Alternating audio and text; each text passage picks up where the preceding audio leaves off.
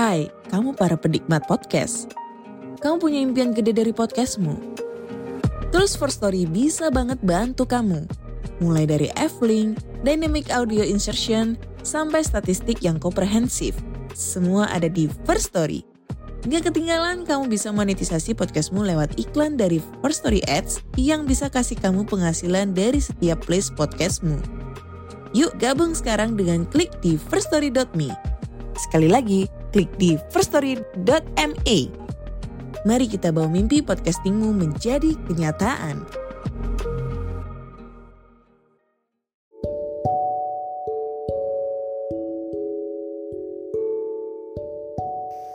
Halo, kembali lagi bersama saya dan Syama Hendra, your book reader. Episode kali ini, aku akan kembali membacakan buku Sejarah Dunia yang Disembunyikan karya Jonathan Black, sebuah buku bestseller internasional. Bab ke-6. Dan oh ya informasi aja, episode ini aku rekam di sebuah wisata alam hutan Joben Evergreen tempatnya oke banget kalian bisa camping kalian ada makanan dan sebagainya kalian cari aja ada Instagram ada di browser juga bisa. Joben Evergreen. Oke kita langsung saja. Bab 6 pembunuhan Raja Hijau. Isis dan Osiris Gua Tengkorak Palladium pada zaman yang dijelaskan oleh mitos Olympus, dewa-dewa berjalan di antara manusia. Namun, sejarah dari dewa terakhir yang memerintah sebagai raja di bumi dicatat dalam versi terlengkap di Mesir bukan dalam tradisi Yunani.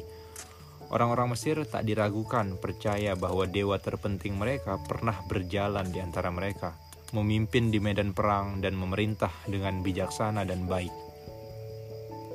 Herodotus menjelaskan sebuah kunjungan ke kuil yang dikabarkan sebagai tempat Osiris dimakamkan. Batu obelis raksasa berdiri di halaman dan ada sebuah danau bulat buatan di sebelahnya.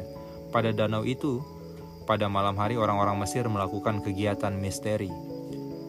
Ritus hitam yang merayakan orang yang sudah mati dan kebangkitan sesosok makhluk yang namanya tidak berani saya sebutkan. Saya tahu apa yang terjadi, tetapi saya tidak mau mengatakannya lebih lanjut. Untunglah kita bisa menambahkan catatan menggoda ini dengan sejarah tentang Osiris seperti yang diceritakan oleh sejawat dekat Herodotus, Plutarch, seorang pendeta anggota dari Oracle di Delphi. Berikut ini saya telah menggunakan catatan Plutarch sebagai sebuah dasar menyatu dalam materi tambahan dari sumber-sumber lain. Kita harus mulai dengan menghayalkan sebuah dunia dalam perang, rusak, binasa karena monster dan hewan buas yang berkeliaran. Osiris adalah pemburu hebat, seorang penguasa hewan buas, dikenang sebagai Orion, si pemburu dalam mitologi Yunani, dan Herni, si pemburu di mitologi Norwegia, dan seorang pahlawan hebat. Ia membersihkan tanah dari hewan-hewan buas dan mengalahkan musuh yang menyerang. Akan tetapi, Kejatuhan pahlawan itu bukan karena pertempuran dengan monster-monster atau di medan perang, melainkan karena musuh di dalam. Kembali dari operasi militer yang lainnya, Osiris disambut oleh sorak-sorai masyarakat yang mencintainya. Pemerintahan Osiris walau terus-menerus diserang dari luar negerinya akan dikenang sebagai zaman keemasan dan itu merupakan zaman kebahagiaan dalam negeri juga bagi masyarakatnya namanya dihubungkan dengan inseminasi Orien yang artinya mani dan apa yang kita sebut sekarang sebagai ikat pinggang Orion sebagai gaya bahasa eufemisme. Pada zaman kuno, nama itu berarti sebuah penis yang menegang ketika usia bertambah. Hal-hal seperti ini harus kita jadikan peringatan akan kenyataan bahwa ada arus seksual yang kuat dalam sejarah yang berikut ini. Osiris menerima undangan dari saudara laki-lakinya, Set, ke sebuah pesta makan malam untuk merayakan kemenangannya. Beberapa orang mengatakan Osiris telah tidur bersama Neptis, istri Set yang cantik berkulit gelap, yang juga merupakan saudara perempuan dari istrinya sendiri, Isis. Apakah ini memberi Set sebuah motif pembunuhan? Mungkin ia tidak memerlukannya. kunci dari permusuhan Set ada dalam namanya. Ia adalah utusan setan. Setelah makan malam, Set mengumumkan sebuah permainan. Ia telah membuat sebuah peti yang indah seperti peti mati, tetapi dibuat dari kayu cedar berhiaskan emas, perak, gading, dan batu permata, lapis lazuli. Siapa pun yang paling pas dan rapi tidur di dalam peti, katanya boleh membawanya pulang. Satu persatu tamu-tamu mencoba, tetapi mereka terlalu gemuk, terlalu kurus, terlalu jangkung, atau terlalu pendek. Akhirnya, Osiris melangkah masuk dan berbaring. Pas, teriaknya, pas dengan tubuhku, seperti kulit yang ada pada diriku sejak lahir. Akan tetapi kegembiraan karena kemenangannya segera terhenti ketika Seth membanting tutup peti itu. Seth memukul paku-paku peti itu dengan palu dan menambal retak-retakannya dengan cairan timah atau logam setan.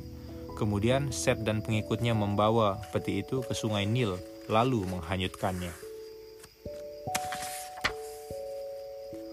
Osiris tidak mati, dan Set tahu ia tidak bisa membunuhnya. Namun, ia percaya bisa menyingkirkan Osiris selamanya. Peti itu hanyut di sungai Nil selama beberapa siang dan malam. Akhirnya terdampar di pantai yang sekarang kita sebut Suriah. Sepokok pohon tamaris muda yang tumbuh di sana menyelubungi peti itu dengan cabang-cabangnya dan akhirnya tumbuh di sekelilingnya, membungkusnya dengan penuh cinta dan melindunginya dengan dahannya. Lambat laun pohon itu menjadi terkenal karena keindahannya. Kemudian Raja Suriah menebang dan menjadikannya sebuah pilar yang berdiri di tengah-tengah istana.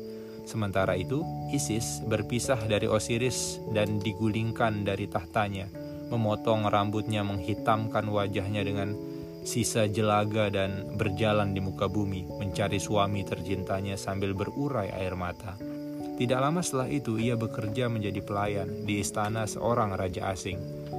Pembaca sudah menghargai bagaimana kisah yang berasal dari sebuah drama suci di kuil-kuil Mesir telah datang kepada kita dalam bentuk yang agak kacau seperti pantonim Cinderella. Akan tetapi, Isis tidak pernah menyerah untuk menemukan suaminya dan suatu hari kekuatan magis membawanya bertemu dengan Osiris secara waskita di dalam sebuah peti di dalam pohon tepat di tengah-tengah istana tempatnya bekerja, istana Raja Surya. Isis mengungkap jati dirinya sebagai seorang ratu dan memohon kepada raja untuk memotong pilar itu dan mengizinkannya membawa peti itu pergi. Ia pergi dengan menumpang kapal dan mendarat di pulau Kemis di delta Sungai Nil. Di sana, Isis berniat untuk menggunakan kekuatan magisnya untuk menghidupkan kembali sang suami. Akan tetapi, Set mempunyai kekuatan magis juga, ia dan sekutu jahatnya memburunya di bawah cahaya bulan.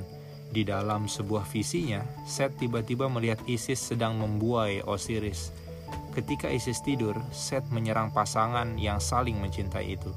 Karena ingin memastikan kali ini berhasil, ia menyerang Osiris dengan kejam, memotong-motong tubuhnya menjadi 14 bagian yang kemudian disembunyikannya di tempat rahasia di sudut-sudut berbeda di negeri itu. Berikut ada sebuah gambar ukiran dinding di kuil di Pilai. Maka, sang janda Isis harus kembali berangkat melakukan perjalanan. Para pembaca Freemasonis mungkin akan sadar bahwa mereka menyebut diri mereka sendiri sebagai putra-putra sang janda. Sebagian merupakan tanda mereka ikut ambil bagian dalam pencarian Isis. Isis mengenakan tujuh cadar untuk menyembunyikan dirinya dari kaki tangan Set dan dibantu oleh Neptis. Neptis juga mencintai Osiris dan sekarang mengubah dirinya menjadi anjing untuk membantu menemukan potongan-potongan tubuh Osiris. Mereka berhasil menemukannya kecuali penisnya yang telah dimakan ikan di sungai Nil. Mereka tiba di sebuah pulau di Abydos di selatan Mesir dan di sanalah pada malam hari Isis dan Neptis menyatukan semua bagian jasad Osiris yang tersisa menggunakan linen putih panjang, mumi pertama. Akhirnya Isis membuat sebuah penis dari emas dan menempelkannya. Ia tidak bisa menghidupkannya secara sempurna, tetapi ia menghidupkan Osiris secara seksual. Isis bisa mendekatinya, menyentuh Osiris dengan lembut dan halus selagi membuat penis dengan bentuk seekor burung hingga Osiris mengalami ejakulasi. Dengan begitu, Isis membuat dirinya sendiri hamil bersama Osiris. Dan dengan cara itulah Horus, penguasa alam semesta yang baru, dilahirkan. Berikut adalah gambar Isis menyusui Horus bagi kaum idealis yang percaya pada alam semesta pikiran sebelum materi bahwa alam semesta telah membantu memelihara manusia dan membantunya berkembang.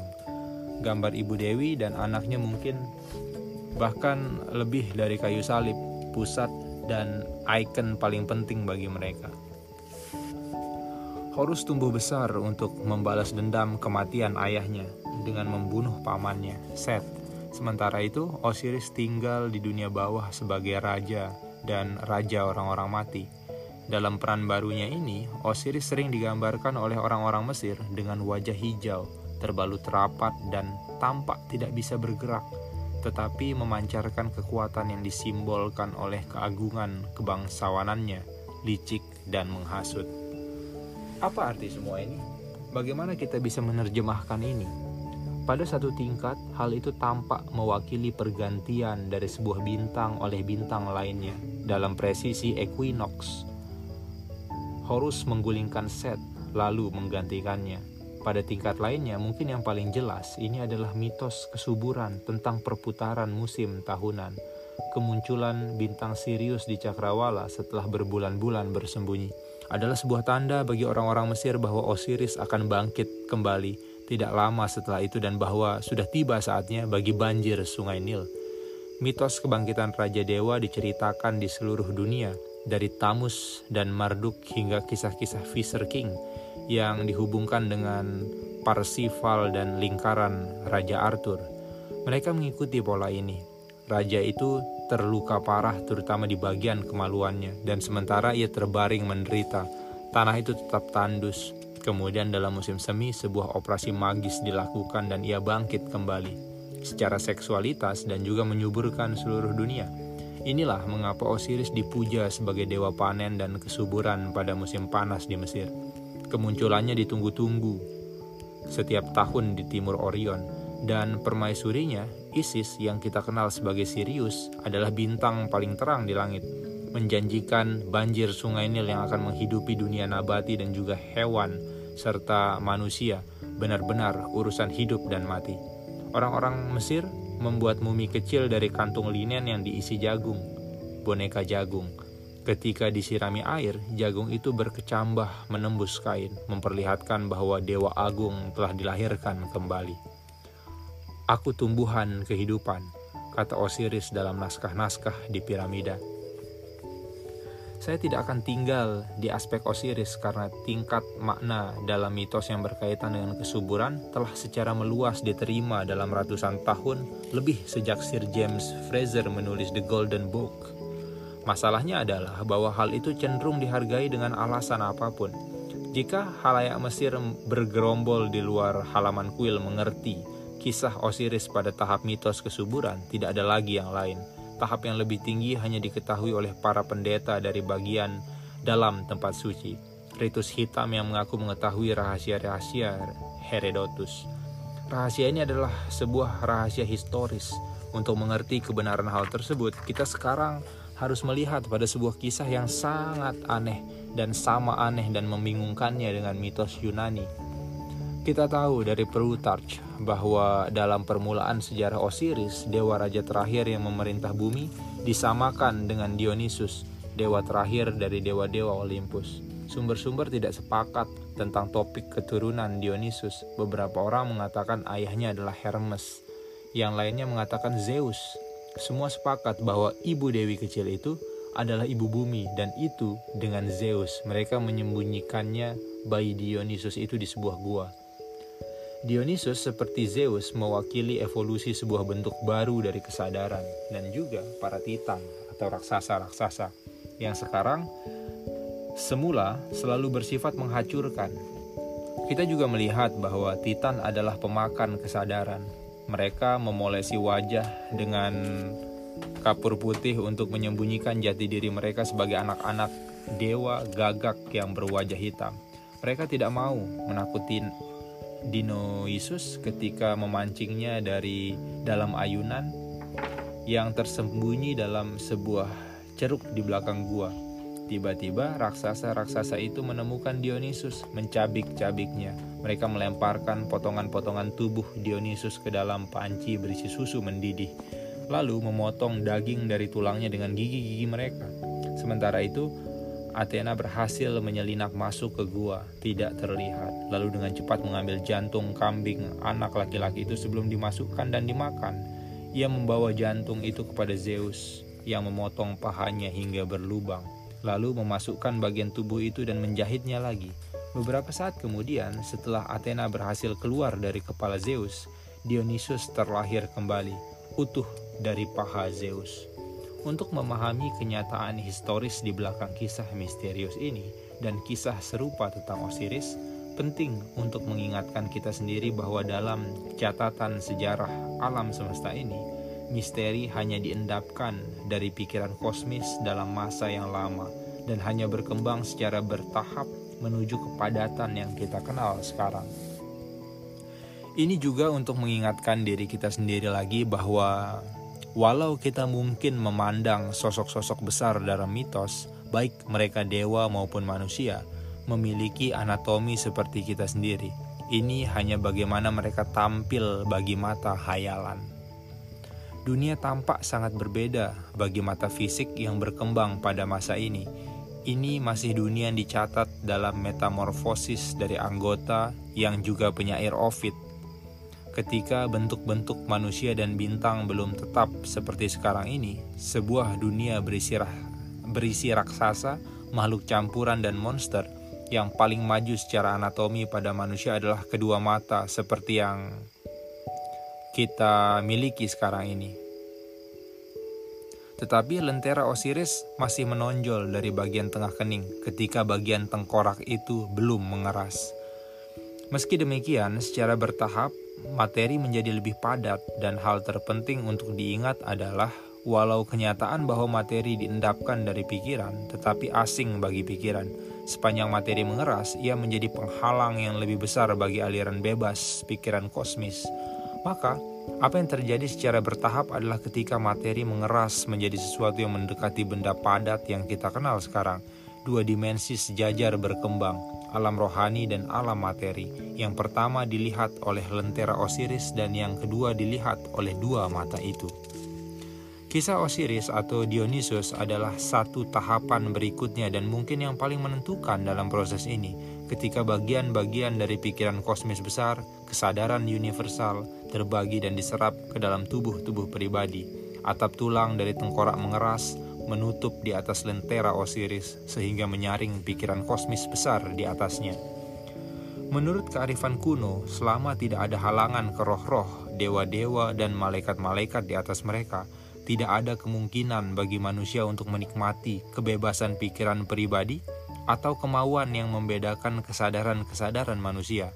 Jika kita tidak dipisahkan dari alam rohani dan pikiran kosmis besar, jika perbaikan tubuh kita tidak menyaring, pikiran kita akan benar-benar kebingungan dan kewalahan. Gambaran tipikal dari contoh keadaan manusia ditemukan dalam kiasan Plato tentang gua para tahanan dirantai dalam sebuah gua, sehingga mereka menatap dinding dan tidak bisa melihat ke sekelilingnya. Kejadian-kejadian terjadi di luar mulut gua menimbulkan bayangan pada dinding yang dianggap kenyataan bagi para tahanan. Ini adalah sebuah eksposisi dari akademisi-akademisi filosofi yang disebut idealisme, yang percaya bahwa pikiran kosmis dan pikiran makhluk memancar darinya yaitu gagasan, merupakan kenyataan yang lebih tinggi. Benda-benda fisik, sebaliknya, hanya merupakan bayangan atau pantulan dari kenyataan yang lebih tinggi. Karena kita berada jauh sekali dari zaman ketika orang-orang percaya pada idealisme, sulit bagi kita untuk menghargainya sebagai sebuah filosofi hidup tentang kehidupan, bukannya sekedar teori debu kering namun, orang-orang percaya dalam idealisme mengalami pengalaman dunia dalam sebuah cara idealistis dan juga mengerti idealisme sebagai proses historis. Akademisi masa kini cenderung luput melihat lapisan literal yang mengherankan dari makna perumpamaan Plato Gua di sini adalah atap tulang dari tengkorak, tengkorak gelap, ruangan dari tulang yang dibungkus daging. Plato adalah seorang anggota dan akan sadar tentang mekanisme lembut dari pembayangan dan pemantulan yang terjadi di dalam tengkorak manusia, fisiologi okultisme dan fisiologi doktrin rahasia. Karakter menentukan dari kehidupan manusia, mahkota pencapaiannya, dan juga mahkota pencapaian kosmos merupakan kemampuan untuk berpikir. Menurut doktrin rahasia, kosmos menciptakan otak manusia supaya mampu berpikir sendiri tentang diri mereka sendiri. Sangat penting jika kita memahami apa yang terjadi, yaitu segera bangkit dari cara berpikir materialistis, sehingga kita bisa melihat hal-hal seperti adanya melalui ujung teropong yang lain. Jika Anda seorang idealis, Anda percaya bahwa alam semesta diciptakan oleh pikiran untuk pikiran-pikiran lebih khusus, Anda percaya bahwa pikiran kosmis menciptakan alam semesta materi untuk memberi bentuk pada pikiran manusia. Sejarah idealis tentang penciptaan adalah tentang proses ini, dan kejadian-kejadian besar dalam sejarah sejauh ini telah menempatkan matahari, bulan, dan planet-planet serta bintang-bintang.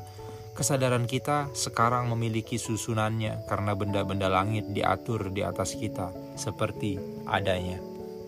Berikut adalah gambar rekan-rekan PAN karya lucu uh, Luca Signorelli. Ukiran ini merupakan sebuah catatan yang langka dari sebuah lukisan yang hancur saat Perang Dunia II. Dengan bulan di tempatnya untuk memantulkan cahaya matahari ke bumi, dengan proses ini memancarkan kembali dalam mikrokosme di dalam tengkorak manusia dan dengan materi setidaknya memiliki kepadatan yang cukup sehingga pikiran manusia tertutup. Kita telah mencapai titik itu ketika anatomi dan kesadaran manusia telah mencapai sebuah bentuk seperti yang kita kenakan sekarang ini. Kondisi dasar membuatnya mungkin bagi manusia untuk merenung atau berpikir sekarang terjadi. Maka bagaimanapun tidak ada hal lain yang perlu dipertimbangkan. Dalam sejarah rahasia juga, ada sebuah dimensi khusus seksual untuk perkembangan ini. Para pendeta misteri percaya bahwa ketika lentera Osiris mundur ke tempat yang tertutup tulang tengkorak, mulai menguasai posisi yang kita ketahui sekarang sebagai kelenjar pineal. Penis yang berdaging itu mencuat. Menurut kearifan kuno, penis adalah bagian terakhir tubuh manusia yang menerima kehadirannya, bentuk jasmani, Itulah alasan seniman-seniman pada perkumpulan rahasia seperti Michelangelo dan Signorelli, saudara Leonardo sebagai sesama anggota, sering menggambarkan penis manusia dalam mitologi dengan bentuk mirip tumbuhan. Pada titik balik besar dalam sejarah ini, maka begitu penis itu terbentuk, manusia tidak bisa lagi berkembang biak dengan cara kuno seperti tumbuhan, parthenogenesis. Umat manusia membuat dirinya sendiri lebih dari seksualitas binatang. Dan dari sini terbukalah sebuah dimensi ketiga yang mengerikan. Tulang manusia mengeras dan menjadi materi. Tengkorak manusia menjadi sesuatu yang setengah mati dan setengah hidup. Itulah sebabnya sebuah kebenaran dari doktrin rahasia yang menyatakan awal dari kematian adalah kelahiran pikiran. Menurut doktrin rahasia, ada sebuah pertentangan mendasar antara kehidupan dan pikiran proses kehidupan pada manusia, pencernaan, pernapasan, dan proses pertumbuhan misalnya, sebagian besar berlangsung tidak disadari. Kesadaran, kapasitas pemikiran manusia hanya dimungkinkan dengan sebuah penekanan sebagian dari proses kehidupan ini. Organisme manusia mencuri kekuatan yang digunakan bintang atau binatang untuk tumbuh dan penyusunan biologis dan mengalirkan mereka untuk menciptakan keadaan yang penting bagi pemikiran. Dikatakan bahwa ini adalah salah satu dari alasan mengapa manusia adalah binatang yang relatif bisa disebut sakit-sakitan. Pikiran manusia adalah proses mematikan, membatasi pertumbuhan dan umur panjang. Ketika proto manusia masih merupakan makhluk nabati, mereka tidak mengalami kematian Ketika mulai mengambil sifat binatang, mereka mulai mengalami sebuah awal dari kematian. Ini adalah sebuah pengalaman seperti tidur bermimpi. Tidur itu bahkan ketika sangat lelap tidak lagi memberi kesegaran yang diperlukan oleh manusia. ketika tulang manusia dan tubuh bumi mengeras dan menjadi kaku sehingga mendekati keadaan sekarang ini. Manusia tidak bergerak terlalu bebas, bahkan dengan rasa sakit, panggilan kematian menjadi semakin keras hingga menjadi tidak tertahankan. Tidur semakin nyenyak hingga menjadi seperti kematian dan kemudian menjadi kematian yang sesungguhnya. Sekarang manusia akhirnya terjerat di dalam lingkaran liar kehidupan, kematian dan kelahiran kembali, lingkaran yang di dalamnya makhluk harus mati untuk memberi jalan pada generasi berikutnya. Mereka sekarang hidup di sebuah tempat di mana ayah harus mati untuk memberi jalan kepada anak-anak laki-lakinya. Raja harus mati untuk mewariskan kepada seorang pengganti yang lebih muda, lebih kuat.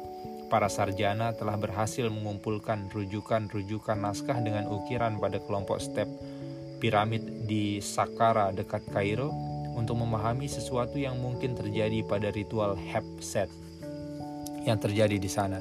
Setelah mengikuti upacara kematian dan kelahiran kembali di sebuah ruang bawah tanah di sekolah misteri, seorang generasi baru Fir'aun akan muncul di sebuah halaman yang lebih umum. Di sana ia harus mengalami serangkaian ujian kekuatan dan kemampuan, termasuk berlari bersama seekor kerbau untuk mencoba membuktikan bahwa ketika ia akan menangis secara ritual, aku bebas berlari melewati daratan. Jika Fir'aun itu gagal dalam ujian ini, ia akan menderita kematian yang menyiksa seperti juga kerbau itu. Catatan saksi mata berikut tentang seekor kerbau yang dikorbankan di India berasal dari seorang pengembara Inggris pada abad ke-19. Ketika pedang diayunkan dan memisahkan kepala binatang korban dari tubuhnya, simbal-simbal diadukan, genderang dipukul, trompet ditiup dan seluruh penonton berteriak mengolesi tubuh mereka dengan darah. Mereka menggulingkan tubuh mereka dalam darah dan menari-nari seperti iblis, menemani tarian mereka dengan lagu-lagu cabul, sindiran, dan gerak isyarat. Herodotus tentu telah menyaksikan sesuatu yang sangat mirip dengan ini jika ia diizinkan melihat ritual hitam yang orang-orang Mesir pada puncak upacara inisiasi yang kita ikuti, calon akan juga melihat sesuatu yang sama, kematian dari seorang dewa besar. Berikut adalah gambar di Eropa Utara, dewa yang terjerat dalam lingkaran alam digambarkan sebagai manusia hijau, seorang dewa dengan daun menempel, mengerikan seperti alam, tetapi sekaligus seorang korban alam. Osiris menatap ke bawah ke kumpulan orang dari dinding gereja-gereja Kristen yang tak terhitung. Keadaan manusia berubah pada banyak tingkatan. Kita telah mencapai sebuah waktu poros dalam sejarah rahasia dunia, ketika materi telah mengendap dari pikiran dan mengeras hingga derajat tertentu, sehingga tengkorak manusia akhirnya membentuk menjadi seperti sekarang. Namun, mata ketiga masih lebih aktif daripada yang hari ini dan tidak menjadi mengecil. Persepsi dari alam materi sama jelas seperti persepsi dari alam rohani. Seorang manusia diantar ke sebuah ruang tahta, mungkin mencari manusia lainnya yang duduk di depannya, atau setidaknya apa yang terlihat seperti manusia. Meski manusia tidak lagi memiliki akses yang terbatas ke alam rohani, maka laki-laki itu mungkin diizinkan untuk melihat pada raja itu lagi dengan mata ketiganya. Dan jika melihatnya, ia mungkin melihat seorang dewa duduk di sana. Catatan sejarah terbesar dari kemanusiaan telah kehilangan kemampuan untuk melakukan dua contoh persepsi berasal dari naskah suci Hindu. Bhagavad Gita Seorang kusir kereta perang bernama Arjuna merasa sangat kebingungan pada masa perang.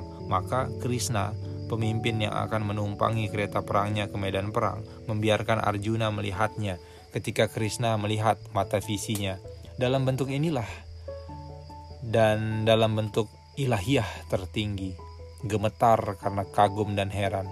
Arjuna melihat mata Krishna seperti matahari dan bulan, melihat bahwa Krishna mengisi seluruh langit dan bumi dengan cahaya, seolah dengan cahaya seribu matahari yang dipujanya di atas dewa-dewa lainnya yang tak terhitung banyaknya, dan yang ia isi dirinya sendiri segala kekaguman tentang kosmos, setelah itu, Krishna mengerut menjadi sebuah manusia lagi dan memperlihatkan wajah lembut manusianya untuk meyakinkan Arjuna yang ketakutan.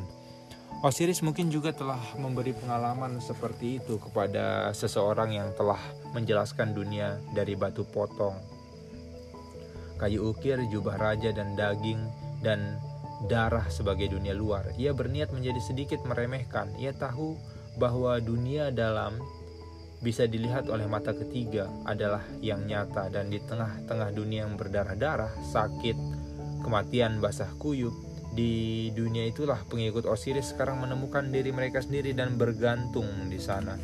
Oleh karena itu, mitos Osiris memiliki banyak lapisan makna, tetapi yang terutama ini adalah mitos tentang kesadaran.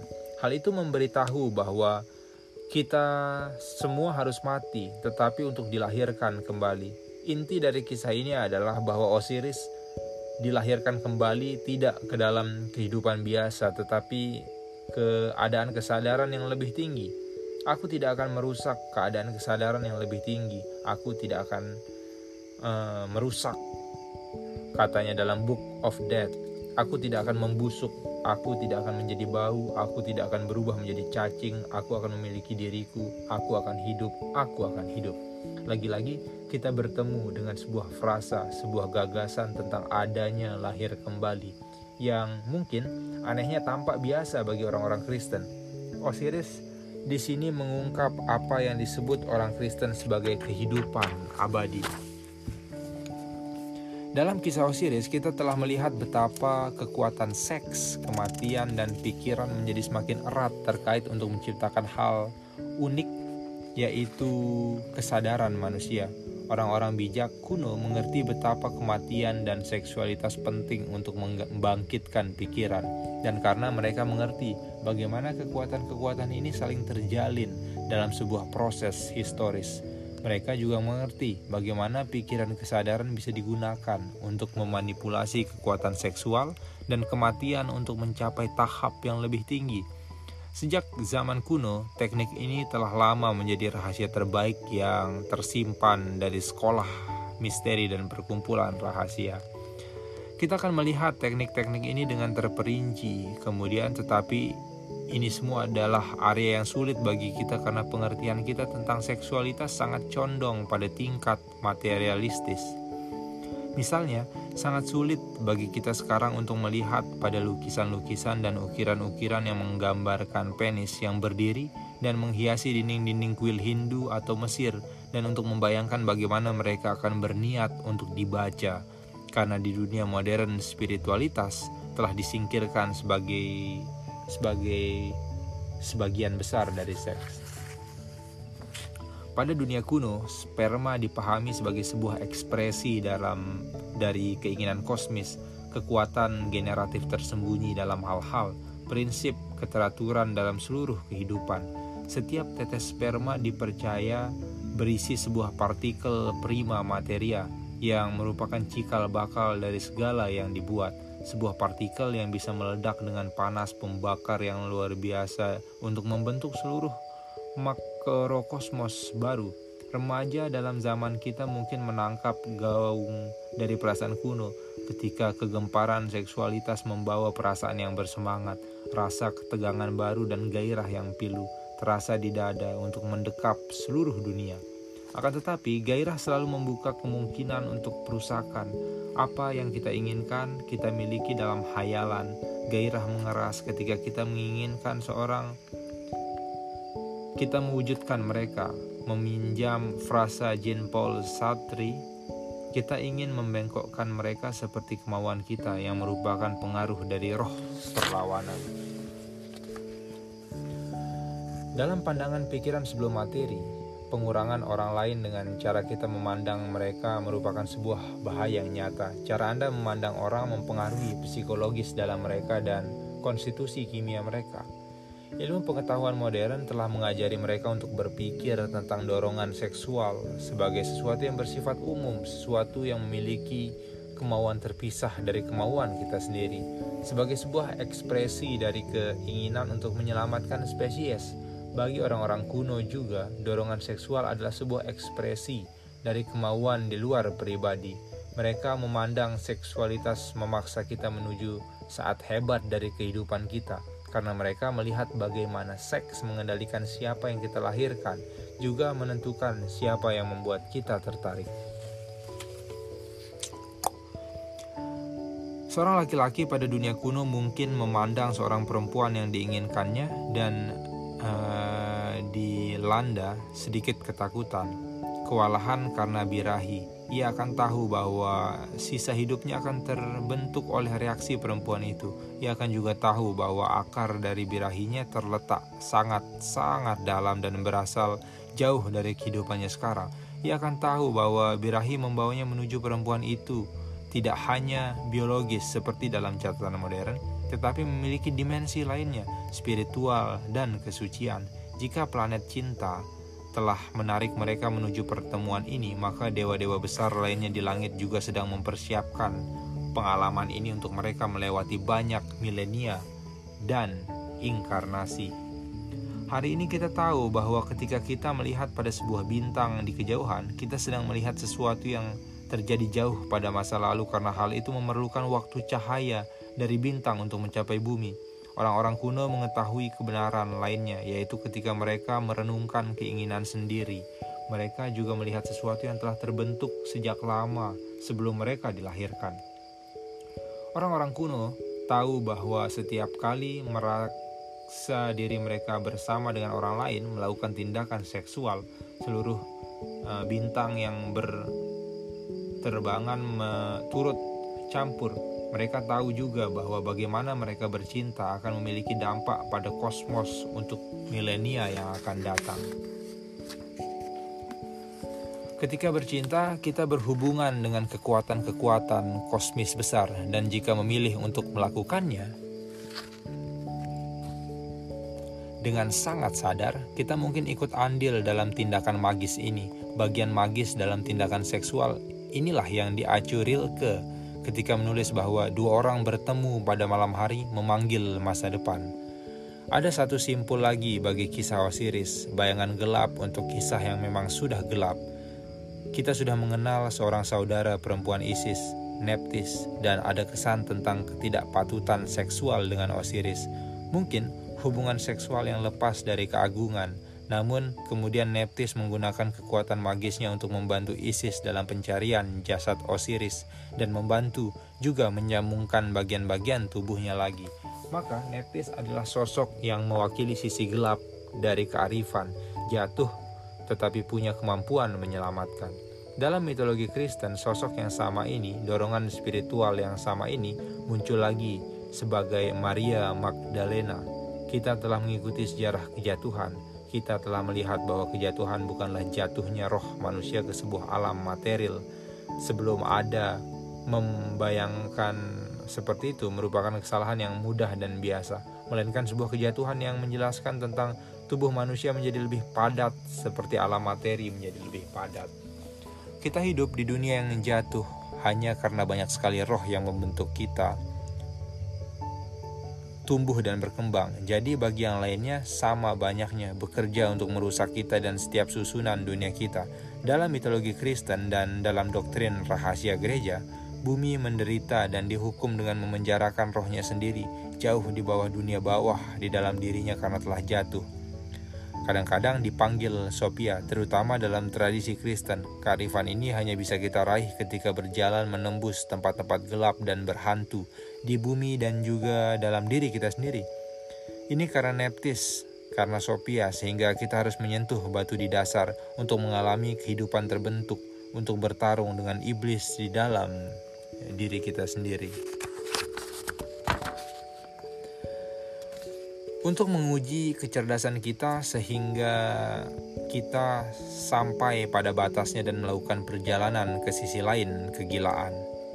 Dengan Athena, dewi kebijaksanaan Yunani, Athena mempunyai saudara perempuan tiri, seorang gadis berkulit gelap bernama Palas yang sangat dicintainya lebih dari segalanya. Tanpa takut-takut mereka bermain-main di tanah datar Anatolia, berkejaran, bergulat dan berpura-pura berkelahi dengan tombak dan tameng. Namun suatu hari Athena tidak berhati-hati. Ia terpeleset dan tanpa sengaja tombaknya menusuk Palas hingga mati. Sejak itu, ia menyebut dirinya sendiri Palas Athena. untuk mengakui sisi gelap pada dirinya sendiri. Tepat seperti dalam kisah Neptis yang mewakili sisi gelap ISIS, ia juga memahat sebuah patung dari kayu hitam sebagai kenangan bagi Palas. Patung ini disebut Palladium, dipahat oleh tangan seorang dewi dan cuci dengan air matanya, dirujuk sebagai objek kekuatan perubahan dunia dalam zaman kuno.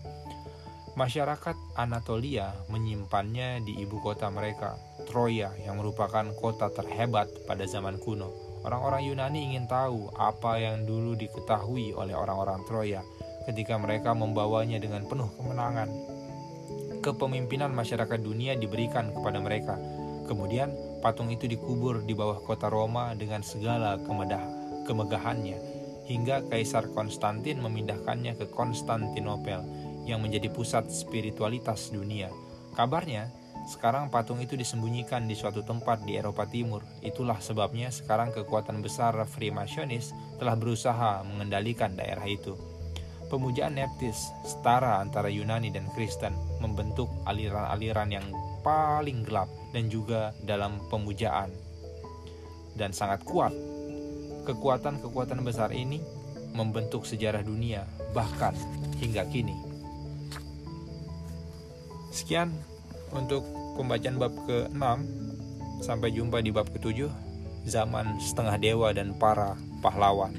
Yang kuno, Amazon, Henok, Hercules, Theseus, dan Jason. So see you on the next episode. Bye.